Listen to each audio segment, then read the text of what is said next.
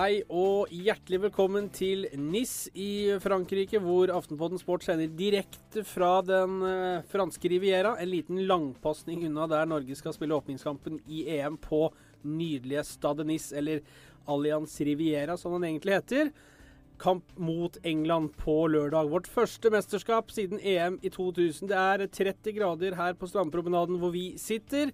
Byen syder av nordmenn dagene før Norges første kamp i EM. Åh, nei da. Det er bare tull og tøys, selvfølgelig. Promenade Engli, Nissa la Bella, Gamlebyen, blomstermarkedet, champagneria. Vi koser oss. Med Bertil Walderhaugs uh, vakre røst kan vi ønske velkommen til Akersgata i Oslo, slik vi pleier. Her sitter jeg, Bertil og Lars Kjernås, og vi skal ikke til Frankrike, selvfølgelig. Det skal vi ikke. Det skal ikke Norge heller. Uh, om ikke det er selvfølgelig, så er det i hvert fall dessverre. ja. ja, det hadde vært gøy, da.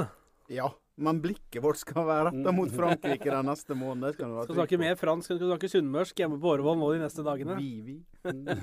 oui, oui, monsieur. Ja, det er det. Må ha en liten ja.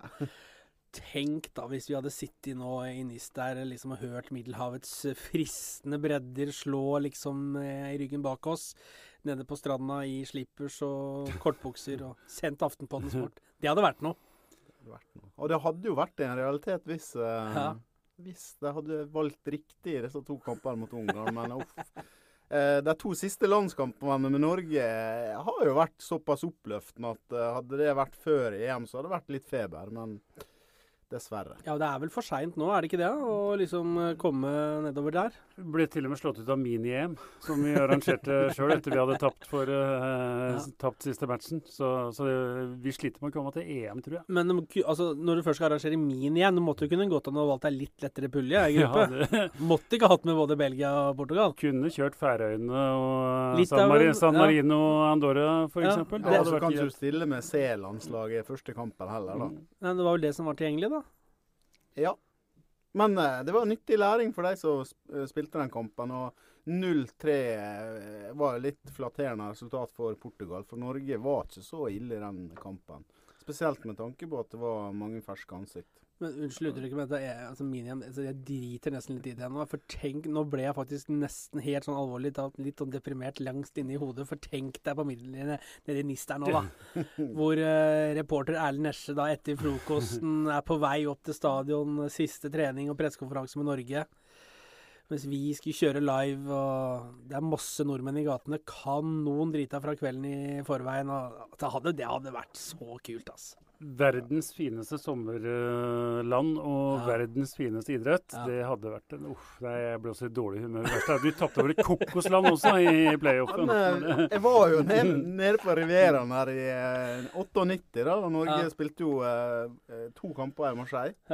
Mot uh, Brasil, som de aller fleste husker, og mot mm. Italia. Så vi hadde jo da ei drøy uke Marseille der på slutten av mesterskapet for Norge sin del, og det var en fantastisk opplevelse. Har du sett en, alltid til å huske. Har du sett den Netflix-serien som heter Marseille, forresten? Nei. Anbefales ålreit. det blir ikke eh, satt neste måned, i hvert fall. Det kan jeg, du være helt sikker på. For da, da er det fotball. Eh, Skal vi være ærlige, så er det vel ikke åpning før i begynnelsen av september for Netflix nå. Nei, for nå er det fotball-EM i 30 dager, eh, og så er det Eller 31. Ja. Jeg er litt dårlig på det, men en måned, da. Ja. og så er det Tour de France, og så er det sommer-OL eller Rio. Så henvendelser må komme etter det. Mm. Men uh, altså, karer uh, Skal ikke du lage en sånn guide til, uh, til ektefelle som ikke er interessert, men hvis mannen er interessert, hva skal de gjøre de neste tre månedene? Hvis du bare venter litt nå, så kommer vi til det. Å oh, ja. Du har guiden klar. Uansett, da. Norge er ikke med. Vi har ikke lagt bak oss skuffelsen fra playoff-matchene og for så vidt fra Aserbajdsjan på Ullevål og Italia borte heller. Eh, men vi ønsker velkommen til en sending som i sin helhet skal handle om uh, fotball-EM i Frankrike. Uh, fredag er det Frankrike-Romania som sparker hele det deilige ballet i gang på Stade France. Før finalen spilles der samme sted 10.7. Eh, da, Bertil Valderhaug, eh, hvilke samlivsråd har du til familier som nå presses til det ytterste? Både kvinner og menn skal se fotball i én måned, eh, mens den av de da som ikke skal se, den må varte opp med grillmat, duggfrisk og leskende varer fra kjøleskapet, snacks og desserter. Hvordan overlever familien dette her? Det er jo mange pauser, da. Så det er jo mulig å fylle pausene med noe vettøkt. Og da går det an å gå, opp fra kjellerstua eller ned fra loftstua. Og gå ned og massere litt skuldre når høre frua ser på Grace Anatomy og sånt. Og så eh, kan du ta glass. Eh, etter kamp og mellom kamp. og det, det, er alle muligheter her, altså. Og det kan jo hende det er enkelte uh, bedre halvdeler som syns det er godt med litt pause. I forholdet, mener du? Ja, kveldspauser og sånt. Ja. Du får gjort mye i løpet av et kvarter. Jeg skal akkurat til å si det, faktisk. Du får fryktelig mye kan det jo hende at uh, i et uh, veldig heldig øyeblikk at uh, la være å se på de siste fem minutta når Romania leder 3-0 mot Albania også. Det, det er en liten, jeg understreker liten med to streker under, liten mulighet. For her er det viktig å lese spillet. Altså Når du merker stemningen blir litt trykka, at du ja. kan slippe opp de siste fem ja. da, og heller gå løs der i familiens heim. Ja, da kan, du, da kan du legge inn en liten massasje som uh, Voldraug er innom. Ja. Slovakia og Russland, og jeg er ikke helt sikker på om vi sitter klistra To ganger 45 på eh, men det er det som er med det Du vet jo aldri. Nei. Plutselig så det, blir det en fryktelig rysere match, og så må du få med deg, liksom. Det er 2016. Da går an å gå inn på TV2 Sumo eller NRK og så spole tilbake og få med seg. Og jeg, jeg er helt sikker på, hvis ikke du følger alt live, at du kommer til å få det med deg uansett. Men hvis, hvis du tenker sånn nå, da hvis du, hvis, hvis Skal vi følge et tradisjonelt kjønnsmønster, da? Så si at det er mannen som er fotballpunch, og så er det fruen som er helt sånn middels. Uh, og så er det da matcher tre, seks og ni. Uh, og så er det jobb på dagen. Så du må selvfølgelig må fake noe sykdom for å komme deg gjennom rushen og hjem i tide. Uh, hvordan på en måte skal du da klare å bevare husfreden? Hvilke oppgaver i heimen må du ta på deg da fra 23 på kvelden til kampstart neste dag for at limet skal fortsatt sitte der? du du har jo tida mellom kvart på fem og seks, og du har tida mellom kvart på åtte og ni. Så får du heller bruke den eh, best mulig. Jeg tror det går seg til eh, ganske greit. For det, det, er, jo, det er, jo, sånn at uh, den som da ikke er interessert i fotball, er sikkert interessert i noe annet og kan, kan gjøre sine ting i mellomtida. Så den måneden der tror jeg kommer til å gå brillefint. Og så er det sikkert enkelte hjemme der begge, eller alle, er interessert. Ja, det, men kanskje ikke bare som, som sagt Russland, Slovakia og sånt. Det, det, da sitter ikke alle da, De benker ikke seg da, tror jeg. Det er for mange lag. Ja. Det, er, eh, det, altså det eneste lille målet jeg gleder meg som en, en treåring til neste måneden. Men uh, jeg syns det hadde holdt med 16. Altså, for det, mm. det er, eh, med all respekt, det er noen matcher der som ikke er like lett å glede seg til som, som et par andre. Det er noen buljongmatcher. Det er det.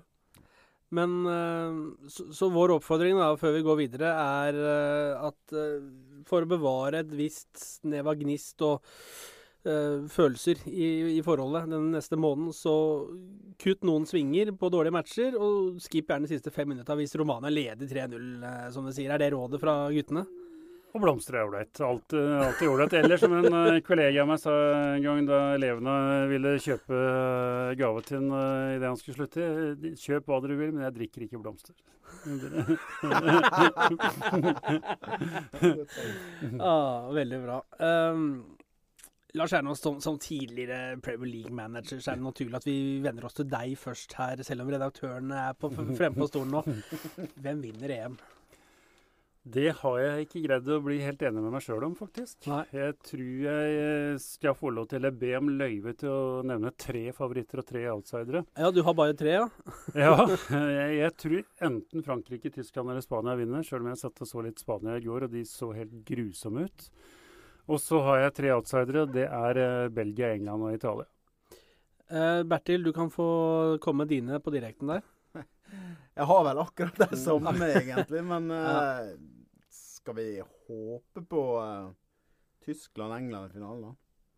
Det hadde vært, det hadde vært utrolig. Og så straffekonk, og så vinner England mot uh, Tyskland på straffekonk. Ja, den, hvis jeg var der, så ville jeg satt penger på det nå, før oddsen begynner å synke. Nei, altså jeg tipper at Frankrike vinner. De vant uh, EM på hjemmebane i 84, arrangerte VM på hjemmebane i 1998. Vant da, og uh, de har et veldig spennende lag offensivt. Midtbanen er jo kjempebra. Mm. Det som kan være minuset, det er jo Forsvaret. Og de har jo fått uh, uheldigvis uh, kanskje den beste forfall. forsvarsspilleren skada også. Så. Og så har de jo med han som er litt glad i å filme og, og presse folk for penger. Benzema er jo heller ikke med. Og det er klart, du merker jo det, selv om de har Grismann. Så en Karim Benzema hadde jo, hadde jo fått spille i et EM. Ja, ja visst. Men nå har jo Giro funnet skåringsformen. Skåra mm. sju på de sju siste, ja. siste, landskampene, så det gjør jo savnet litt mindre. Jeg er helt enig med Bertil verdens mest komplette midtbane akkurat i øyeblikket. Um, Frankrike-Tyskland i en finale hadde jo latt seg høre det, hvis det går an å få til det?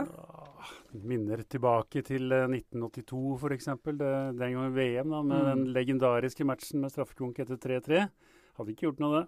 Men hvis Frankrike og Tyskland begge vinner sin pulje, så uh, ut fra sånn som jeg har forstått det, da, så møtes vel de kanskje semifinalen? Uh, og så da, uh, hvis det går sånn som vi kanskje predikter her, da, da blir det Spania og England i den andre semifinalen. Fryktelig Ja, men, nei, men nå syns jeg du foregriper. For vi vet jo at England ryker i kvartfinalen på straffer. altså, det vet vi jo. En gang må det ta slutt, dette marerittet. ja, nei, det er bare et spørsmål. Det er helt riktig, Kjetil. Det er bare et spørsmål om hvem de ryker for i kvartfinalen ja. på straffer, ikke om de gjør det. Nei, for det, for det vet vi at de det, gjør. Det skjer. Og hvem er det som sklir nå, skal du vite? uh, vi, vi, vi, må komme tilbake til ja, det, men, men uh, er det noen sånn underdog? En sånn, som, altså, da tenker jeg ikke på Belgia som en underdog, for det er jo såpass bra lag at de må være helt der oppe. Men er det noen vi ikke liksom tenker på nå?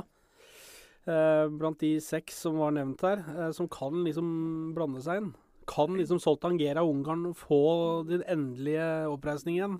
Nei, men eh, Portugal kan selvfølgelig gjøre det. Ja. Fordi de har en spiller som er så god at hvis han er på sitt beste, så kan det avgjøre alle fotballkamper. Så jeg vet ikke om Portugal om vi har lov til å kalle dem en underdog, men utafor de seks, mm. så er det det første landet jeg ville nevnt. Men uh, i et år der Leicester vinner Premier League, så kan man kanskje ta og spenne enda videre. Da. Så kan man si et lag som imponerte meg veldig i kvaliken, det var Østerrike. Ja. Å spille uh, trygg defensivt, uh, utrolig fart framover. Enorm innsats. Og jeg er spent på det i mesterskapet. Det har jo bare vært med ett europamesterskap tidligere. Det var da de arrangerte det eh, sjøl sammen med Sveits, og da gjorde de ganske dårlig. Men de har hatt utrolig spennende lag på gang. Uh, mine helter fra 94, Romania, hadde jo vært uh, Det er kanskje for mye å be om, vel. I, i skyggen av uh, George Haji og Florian Radichoi og Jordan Popesco. Det, ja, det. Slapp inn færrest av alle i kvaliken med bare to baklengs. Eh, så de kommer helt sikkert til å frustrere en haug med motstandere. Mm, men, uh, men uh, den vinner ikke. Får bare håpe de ikke farger håret sånn som denne gjengen oh, gjorde. Å herregud, det var noe fryktelige greier. Altså, alle så like ut òg. Ja, putta, alle putta hodet inn i en sånt uh, malingsspann, hele gjengen. Husker han Dan sånn- Petrescu sto der og så liksom ut som han ja, så ut som han var dyppa nedi ei bøtte med hvit maling, og så ja. Boyband-gutta, hele gjengen. Ja, den CD-en hadde, CD hadde, ikke jeg kjøpt, i hvert fall.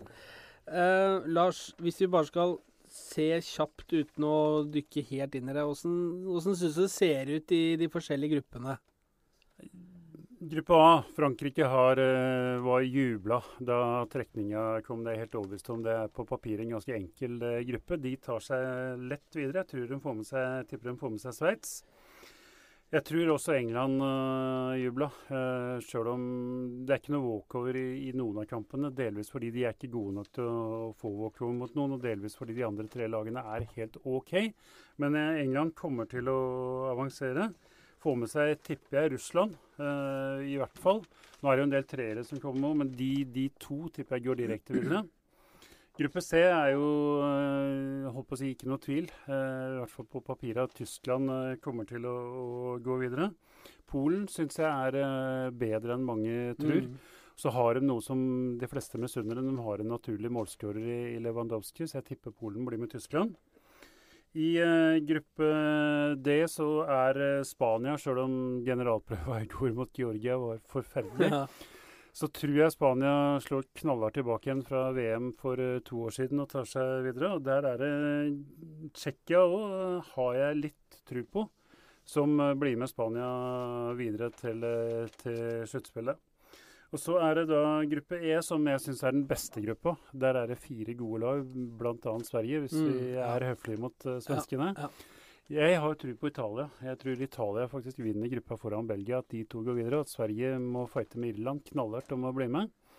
Og så er det da Island-gruppa med, med, F, hvor jeg tror at uh, Østerrike, som Bertil sier, kommer til å overraske gå videre, men at Portugal vinner gruppa.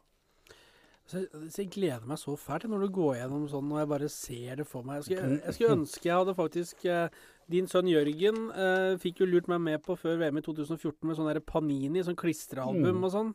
Jeg satt jo der på Gjeljeberg mens sola steika på utsida. og klistra som er blå på hendene.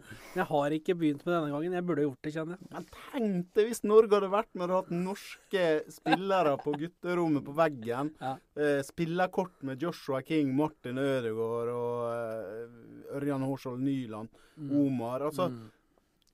Nye helter. Det, toget her gikk også uten Norge. Hadde, ja. Vi hadde fått fram en generasjon som hadde blitt eh, helter uansett. Bare det å være med i mesterskapet. Men så får vi da heie på Sverige, og vi får heie på Island. Ja, vi må jo gjøre det.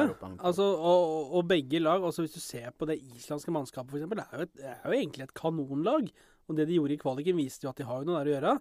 To spisser bl.a. som uh, murbrekkere og målskårere. De har Gylfi, uh, Gylfi Sigurdsson som er i stand til å stelle i stand. Og, altså, det er jo et bra lag. Ja, ja, det er bra lag. Aron Gunnarsson som ja. aldri takler under knehøyde. Som er, kanskje er sistemann i hele mesterskapet jeg ville, ville møtt. Så de, har, de er tøffe. Altså. Nei, da glemte du PP. Jeg glemte ja, vi må ikke glemme, vi må ikke glemme PP. Altså. Nei, det er sant. Jeg tar, tar kritikken ja. for det. Takk, Bertil. Det var viktig Men, at du eh, Du hadde møtt PP med en finger i øyet.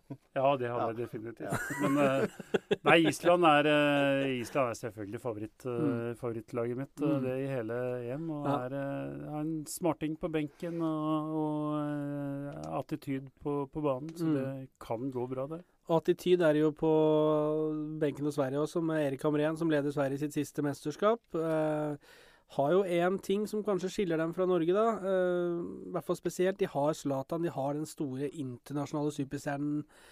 Det er jo dum, altså det, er det dummeste spørsmålet du kan stille som journalist, Bertil, men du får det likevel. Hvor viktig blir Zlatan for Sverige? Nei, altså, jeg er zlatanist. Ja. Eh, Alle er jo zlatanister. Elleve mål på uh, ti kamper i kvaliken.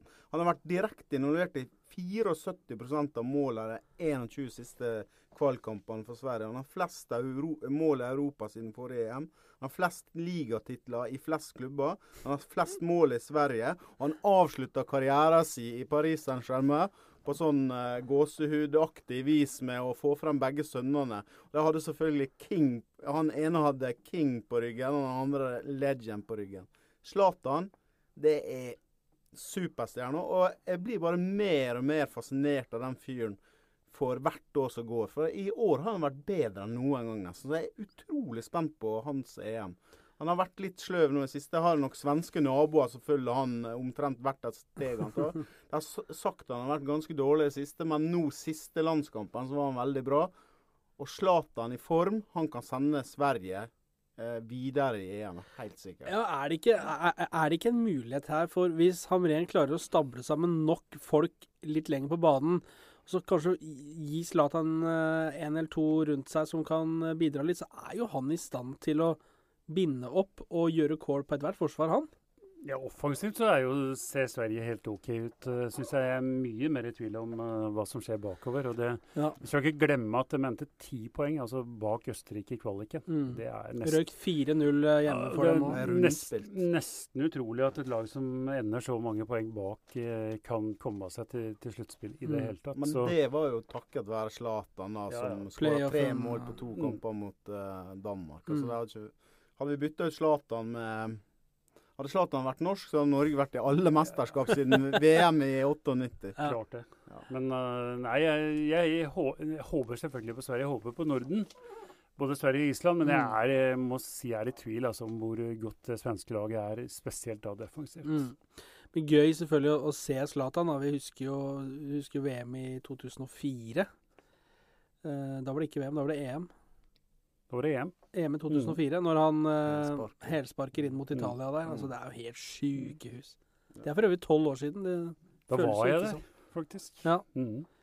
Men det er tolv år siden. Det er 12 år siden. Det, tida går fort, altså.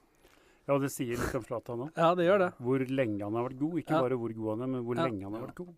Men apropos god, da. Det er jo en hel haug av spillere som ikke er med i EM. Eh, enten pga. skader eller vraking. altså Sånn kjapt av Marco Royce, Tyskland, som er skada. Benzema er vraka. Costa og Torres i Spania er ikke med. Hatem Ben Arfa, som plutselig har fått en fryktelig oppsving i, i Frankrike, er ikke med. Balotelli er kanskje ikke så stor stjerne lenger, men det er jo, er jo artig med han. Eller var artig, da. Han er heller ikke med. Men hvem er de største stjernene som er i EM, sånn som dere to ser det?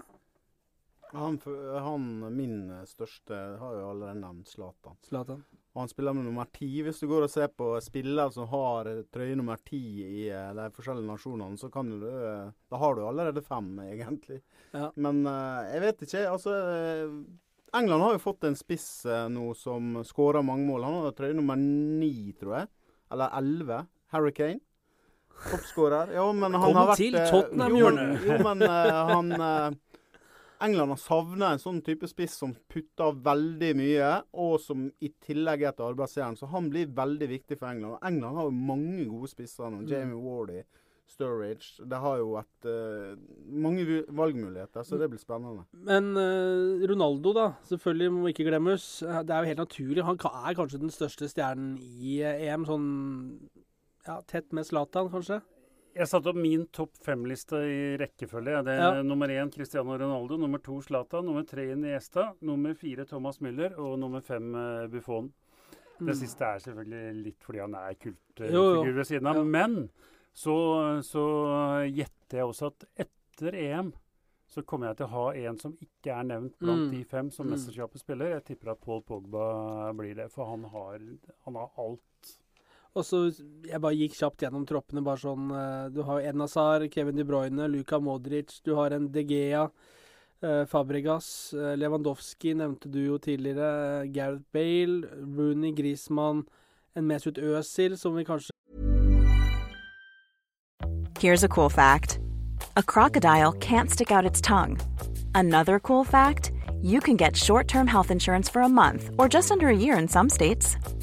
United Healthcare short term insurance plans are designed for people who are between jobs, coming off their parents' plan, or turning a side hustle into a full time gig. Underwritten by Golden Rule Insurance Company, they offer flexible, budget friendly coverage with access to a nationwide network of doctors and hospitals. Get more cool facts about United Healthcare short term plans at uh1.com. Cool fact a crocodile can't stick out its tongue. Also, you can get health insurance for a month or just under a year in some states. United Healthcare short term insurance plans, underwritten by Golden Rule Insurance Company, offer flexible, budget friendly coverage for you. Learn more at uh1.com. Uh, ja, vi vet liksom ikke helt hva vi får der. Altså, det er så mange spillere som er gode, og som Altså ah, ah! Deilig. Er det noen du uh, Nei, altså, jeg hadde jo, eh, jeg hadde jo uh, Du nevnte Tottenham Jeg skulle jo selvfølgelig valgt Hugo Lloris, men Buffon, da, som er, ja. har stått i en mannsalder og har vel Har han 158 landskamper eller noe sånt? Han, hvis Italia gjør det bra, så, så er jo han over 160 landskamper mm. for Italia i løpet av mesterskapet. Og, Går det til, da? Ja, utrolig bra. Han gjør eh, og, Men det som er aller mest fascinerende med han, det er jo når nasjonalsangen spilles på forhånd. Altså det, å snakke med omtrykk i eh, Og eh, det er en lederskikkelse og Nei, det er Brasil, det. Det er Brasil. Hva er Brasil? Jeg kan ja, ikke. Vi, nei, det er ikke jeg kan ikke. Jeg prøvde tre nasjonalsanger. Det var feil. God save the queen. Den kan du. Herlighet. Uh, jo, men uh, Buffon er fortsatt en god keeper. Italia. Italia. Det er det, ja. Det er vel ikke det? Mm, ja. Den klarer du? Ja, det klarer jeg. Så det er tre, to, én Nei, men han er jo en bra keeper fortsatt òg. Han redder en del baller. Ja, det er jo helt suveren. Og Italia har eh, altså De gangene de har uh, vunnet mesterskap, så har det ofte vært sånn at de har ikke vært storfavoritter på forhånd. De har vært litt outsidere. Ja. Så jeg har, en, jeg har, en, liten magefølelse på Italia. At vi kan uh, sitte her om en måned og si at uh, jaggu fiksa, det, fiksa ja. de det, det igjen, gitt. De, de, var langt bedre enn vi trodde på forhånd. Selv om de har, de har tunge forfall, altså. Ja. I, i Verratti og Marquisio. Det, det er tøft. Men jeg har litt tro. Det er litt sånn hangle seg videre, sånn som i VM i 82, så vidt de kom seg videre. Graziani. Og så slo Rossi til, og så mm. Og så husker jeg jo alle hva som skjedde da. Mm. Da hadde de Soff i buret. og Det er jo nesten større legende nå med Buffon. Så. Ja. Italia hangler seg videre, og så plutselig så er det finalen. Men det som er fint, er at vi får muligheten til å stille noen sånne diagnoser underveis. For Lars, du blir jo, i hvert fall du blir jo med på noen podkaster underveis i EM, gjør du ikke det? Det er fare for det. Må be om unnskyldning på forhånd til våre lyttere, naturligvis. Men jeg har, jeg har tenkt til det. da sender vi en beklagelse, men han kom likevel, ja. Flyet går ned til NIS, og så tar du den uh... Du da, redaktør Valderhaug, skal du på ferie, eller skal du være med oss, du? Jeg skal på ferie på slutten av mesterskapet, men La, vent, det kan hende. Det spørs hva du har å tilby i studio her. Det, det får vi se. noen franske retter, noen bagetter med de herligste oster, kanskje, i rosé. Men Lars skal jo eh, chatte med leseren underveis ja, det, i mesterskapet. Ja. Og det, det, er jo bare å logge seg inn på sidene våre, så og, og finne Lars sine bevingende ord det er jo greit å bare få gjort det nå, så slipper du dette her på fredag. At du bare er, alt er gjort. At ting er rigga og klart. For husk på, altså en ting er at NRK og TV 2 sender jo dette her eh, sammen. Men du, du, trenger jo altså du trenger en, Nå må jeg liksom legge fra meg papir, men bruke hendene og telle på. Du må ha TV. Og så må du selvfølgelig ha en eh, datamaskin, uh, for du skal gjerne Hvis det går matcher parallelt, så sier det seg selv at du må jo se alt. Og så må du ha en eh, iPad hvor du kan på en måte følge nyhetsbildet. Og så har du telefonen med litt mm. resultatservice og litt eh, Kanskje sette en tier på oddsen. Eh, og, og, følge på Twitter. Lars skal være kongen av second screen, som det så pent heter. Har du? Sitte og følge med der. Men klart, hva gjør du da når det er pause? Skal du eh, sitte og chatte med Lars, eller skal du ned og, eh, og klappe på kona og, og, be om godt vær de neste 45 minutter? Jeg hadde chatta med Lars. Hører vel ikke dama på dette her. um, det er noen fryktelig fine oppgjør uh, som venter oss. Uh, England-Wales 16.6, det kan jo bare tenke seg til hvordan det ser ut med litt rosa briter i Kanskje, kanskje så mange som 100 000 briter i lands der. Tyskland-Polen 16.6, altså den blir òg fryktelig fin. Det er tidligkampen. Eh, så har du Italia-Sverige 17.6. Eh, Kroatia-Spania har jeg notert meg. Det blir òg et eh, ålreit oppgjør 21.6. Sverige-Belgia 22.6. Altså Portugal-Island allerede 14.6. Er det andre dere har sett ut? Nå har du tatt uh, omtrent uh, alle jeg hadde satt opp. Men uh, jeg har vel én match til i tillegg. Det er Belgia og Italia. For det er ja, to, to, av favorittene som møtes. Jeg husker, ikke, jeg husker ikke dato. Men det var sånn liksom sånn underdogs-messig, da. Nord-Irland og Irland. altså. Ja. Kommer til å farge Frankrike ja, ja. grønt. Det er jo Vi har jo sett det i tidligere mesterskap, og det er utrolig gøy. og Fotballen er så der, men, men trøkket og entusiasmen rundt arenaen og i forkant av etterkamp. Det er helt fantastisk. Og tenk når Melodi Grand Prix-kongen Johnny Logan kommer ned for å spille litt gitar. Hold me now. What's the What's another year? Er ikke den? Klarer vi en tredje, da? ja, er det en til? Har han tre? Uh, jeg veit jeg vet ikke. Jeg bare Eurovision, nei. Ja. Nei, nei men uh, jeg er helt enig. Mil etter mil kan det. Ja, den er Han pleide å få null poeng. Det var jo samme som Norge. Nei, skal ikke dra den. Men øh, hva skal jeg si Jo, det var vel uh, kollega Erlend Esje, som er i Frankrike nå. Uh, han sa det jo at matcher som f.eks. Albania-Sveits du, du, du, har jo ikke noe garanti. Plutselig så tar det fyr, og så blir det helt sinnssyke kamper ut av det. Det er jo det som er så kult.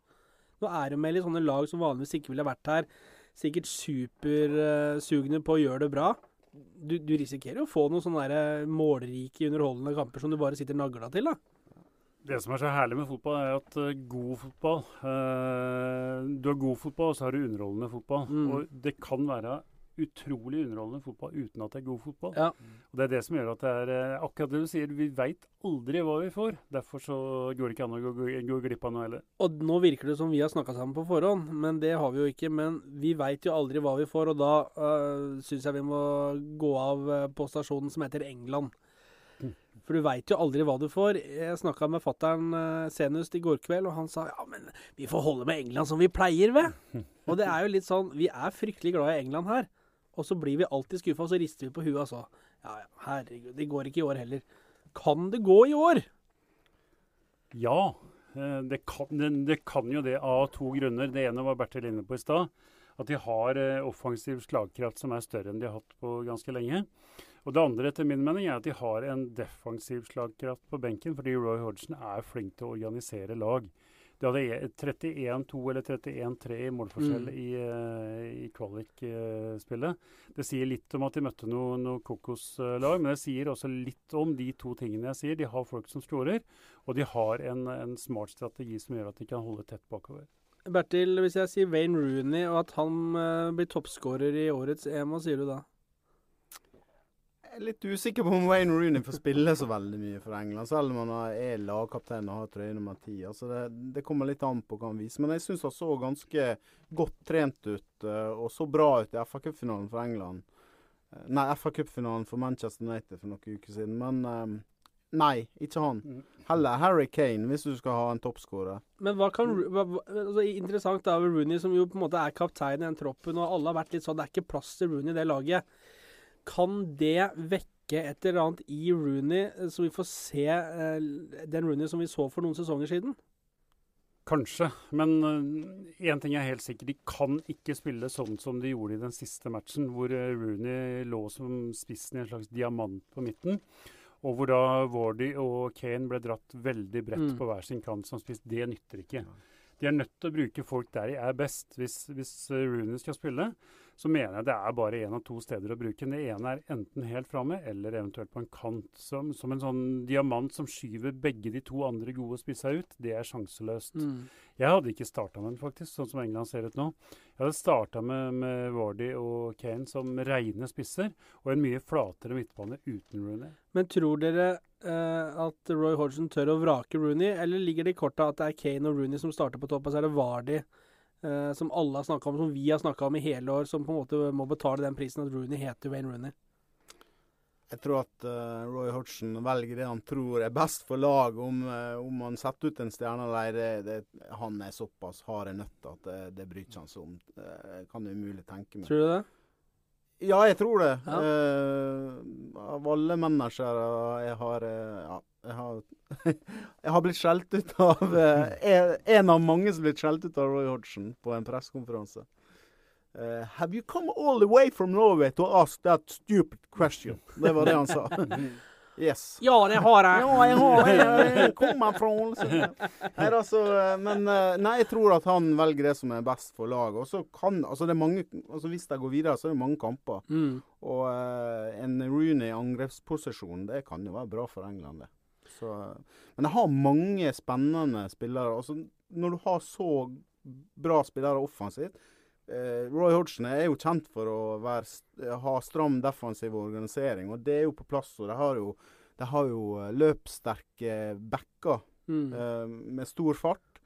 Eh, problemet er jo hvis de løper for mye framover og etterlater seg får store rom. Men jeg, ja, jeg har litt troa på England i år. Det er ungt, spennende mannskap som har vært i en fin flyt uh, lenge. Hvis du ser på noen av de navnene av de som på en måte er, om ikke førstereis, så i hvert fall liksom første gang at man kan legge noe ansvar på det. Da. Du har jo eh, kometene fra Tottenham, Dele Alli, Dyer, Vardy, Kane, John Stones, som på en måte må ta neste steg igjen. Du har Marcus Rashford, som har skåret mye for Manchester United. Ung. Du har en Ross Barkley, og så har du jo gamle travere som James Milner, du har Rooney Rooney, faktisk. Rooney. Eh, Smalling bak der.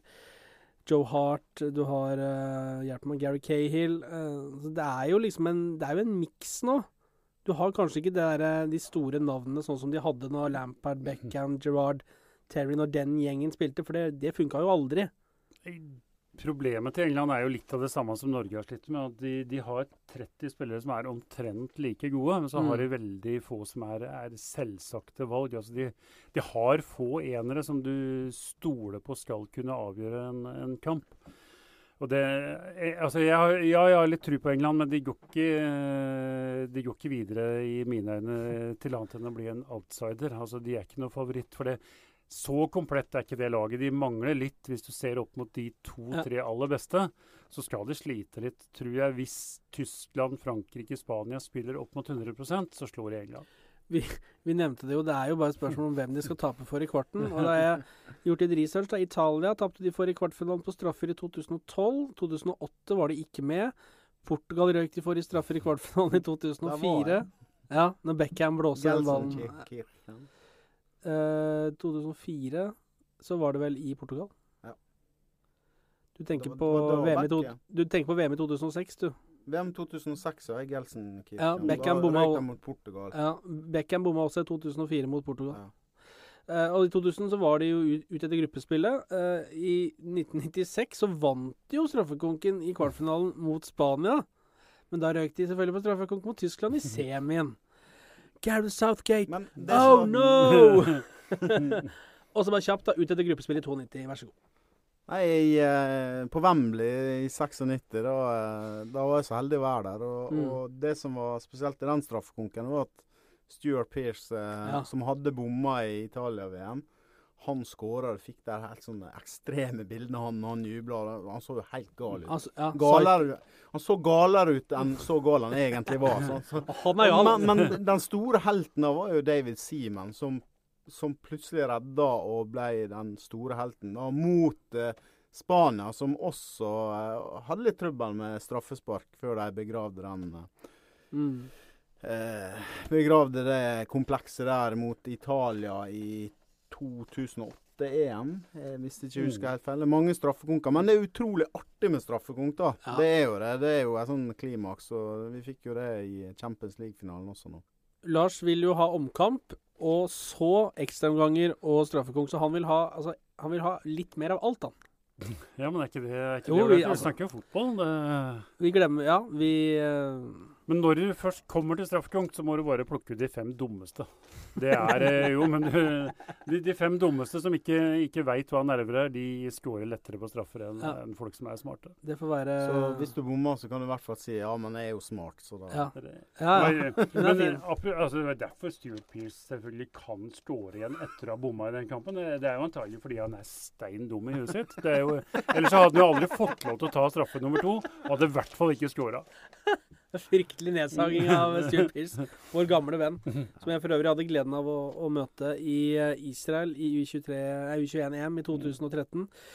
Uh, eh, når jeg og en kollega fra Verdensgang Vi skal holde navnene skjult der, så ingen uh, får reprimander. Men uh, pressekonferansen til England Vi storma inn, fikk hvert vårt spørsmål, og Pearce kom bort etterpå hilste, da. Og ja, da spilte jo Norge A mot Albania borte. Og så var det jo et lass med spillere som skulle komme på natta ned til Israel for å bidra. Blant Gus Henriksen, Joshua King osv. Og, og Pierce spurte ja, hvilke av de norske fra A-landslaget kommer. Og vi leksa opp hver eneste spiller, så vi ga England muligheten til å forberede seg maksimalt mot Norge. Men Norge vant. Det var litt kjørt om dem. Nei, helt sikkert ikke. Men, uh, Man virker trivelig, da. Hva er det de sier? Uh, at the end of the day, er ikke det de pleier å si? At the end of the day ja. er mm. standard. Uh, under EM i 96 så var det sånn pressekonferanse. Da, da, da var det to spillere fra England. Og så var det eh, Wennable som satt da på podiet foran. Så kom, to, så kom, det to, spillere. Det var alltid det kjedeligste. Det var da Gary Neville, som var kjedelig da. I hvert fall ja. nå er jo han frisk i ja. TV-studio. Og så var det ofte da Stuart Pearce. Og Stuart Pearce jeg husker en gang jeg noterte hvor, hvor mange ganger han sa 'at the end of the day' i, uh, når han ble intervjua. 16 ganger sa han det. det er liksom eh, på, på, det samme som på norsk. Vi får ta én kamp om gangen og satse på at marginene bikker i vår retning og bla, bla, bla. Men er, det ikke Theo Walcott som har rekorden på å si 'you know' i intervjuer, sånn der rett etter matchen-intervjuer? Altså det er 'you know, you know, you know, you know', you know, you know. Uh, jeg lurer på om det er Altså, han er fryktelig på det. De er ganske programmert, de der engelske spillerne fra de medieregimene i klubbene sine. Uh, men uh, Dere har jo begge to bidratt uh, i vår uh, lille podkastserie hvor vi har telt ned til årets EM. Uh, vi har gått 40 år tilbake, fra Panenka i 76 til Spanias verdensherredømme i 2012. Vi har snakka oss gjennom ti EM. Hva er det dere husker best fra fotball-EM? Ja, det er veldig mye, men jeg, jeg vil vel si for, for, min del, da, som har vært anglofil hele livet og vokst opp med Tottenham engelsk fotball, det var vel EM i England. Skottland-England på Wembley. Mm. Med det trøkket der, og, og, det ble jo den dramatiske kampen som ble krona med skåringa til Gascoigne.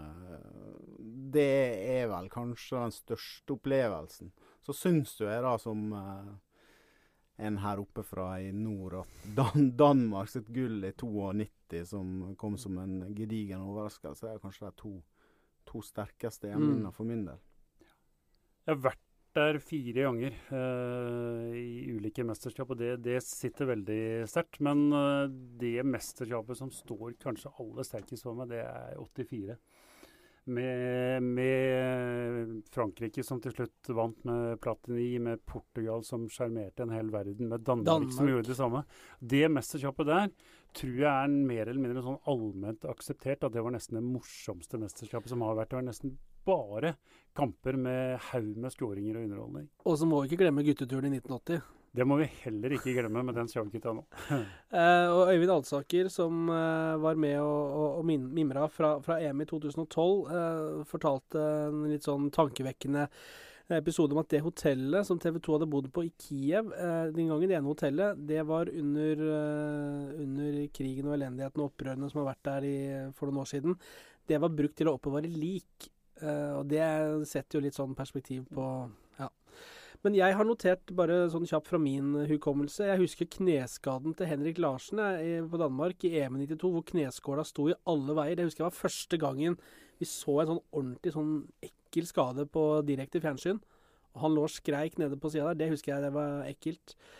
Lobben eh, fra Karel Poborski mot Portugal i 96, den eh, som jo førte til vel at han gikk til United. Eh, også David Trezeguet sin eh, avgjørelse i 2000, eh, som for øvrig ble sett. Eh, fire Hamar-gutter satt på kro i København og nøt den. Så må vi som nordmenn da si Norge-Spania 1-0. Steffen Iversen som mm. hoppa opp til nærmeste skydekke og skalla ballen i mål. 1-0 til Norge og Spania. Det var stort. Det er 16 år siden, eh, det. Ja. Ventetida er lang og sørgelig. Ja. Men siste punkt, som jo er litt sånn eh, ekkelt, det òg. Eh, det har jo vært eh, altså, Det er jo Francois Hollande, presidenten i Frankrike Eller ja, president, er det ikke det? Er ikke sånn? Ja, takk.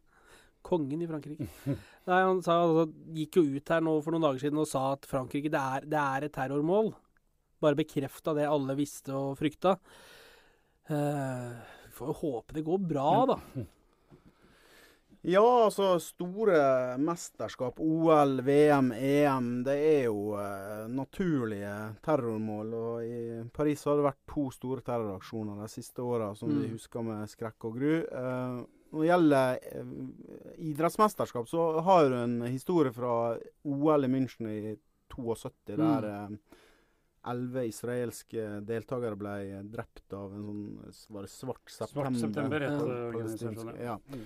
Eh, etter det så har jo, eh, har jo, man vært veldig oppmerksom på at uh, mesterskap, uh, idrettsmesterskap skal være strengt bevokta, og nå er jo det høyberedskap i Frankrike. 60 000 politifolk her som er rekvirert til EM, så vidt ja. jeg har lest? 90 000 uh, totalt skulle, skulle være utplassert av ja. politi, soldater osv. Så, videre, så Økte beredskapen med 15 etter terroraksjonen nå uh, i ja. Paris uh, ja. i fjor høst. Men det er jo, må, bare si det, det må, altså Vi husker jo den kampen uh, på Stade France hvor det, i forbindelse med det terrorangrepet i november, hvor altså planen til disse her forferdelige skapningene er altså én skal gå inn på en stadion og enten skyte eller sprenge, sånn at alle skal storme ut. Og der skal det stå noen forbanna idioter å sprenge seg i lufta. Det er jo så utspekulert og så skrekkelig altså at det, det er jo ja, Det er vanskelig å sette ord på det, da. Ja, nei, altså kommer tilbake til ordene til pave Johannes Paul, er det vel, som har sagt i bevingede ord om at at uh, fotball er ikke det Eller av alle ting i verden, så er fotball det viktigste av det uviktige. Og sånn er det jo. Det er, uh, fotball er gøy, fotball er viktig, men det er uh, dessverre skråstrek heldigvis en del ting som er langt viktigere enn det. Eh, men vi gleder oss jo. Nå skal vi runde av i vårt studio her fra NIS. Vi skal pakke sammen. Vi skal opp og se Norge trene på Kan du helle oppi den på ja, litt kampanjen til Kjetil? Bare ta et raskt sjøbad først. litt so ekstra solkrem. Jeg trenger Kan ikke du sende inn noe gåselever der, Lars, bare så fra bordet ved siden av der? Åh, vi, kan, vi må slutte med det der å lure. Eller, eller fotball? Ja. Nei, jeg lurer faktisk på om det blir litt rolig i kveld. Jeg tenkte jeg skulle ut i morgen. uh, nei, det nærmeste vi kommer, er vel å se det på kontraskjæret, eller, eller etter å se det hjemme. Vive la France. Vive la France. Uh, skal vi runde av og si at vi gleder oss, og uh, heia Island og Sverige. Vi sier det, da. Heia Island og Sverige. Ja, bra.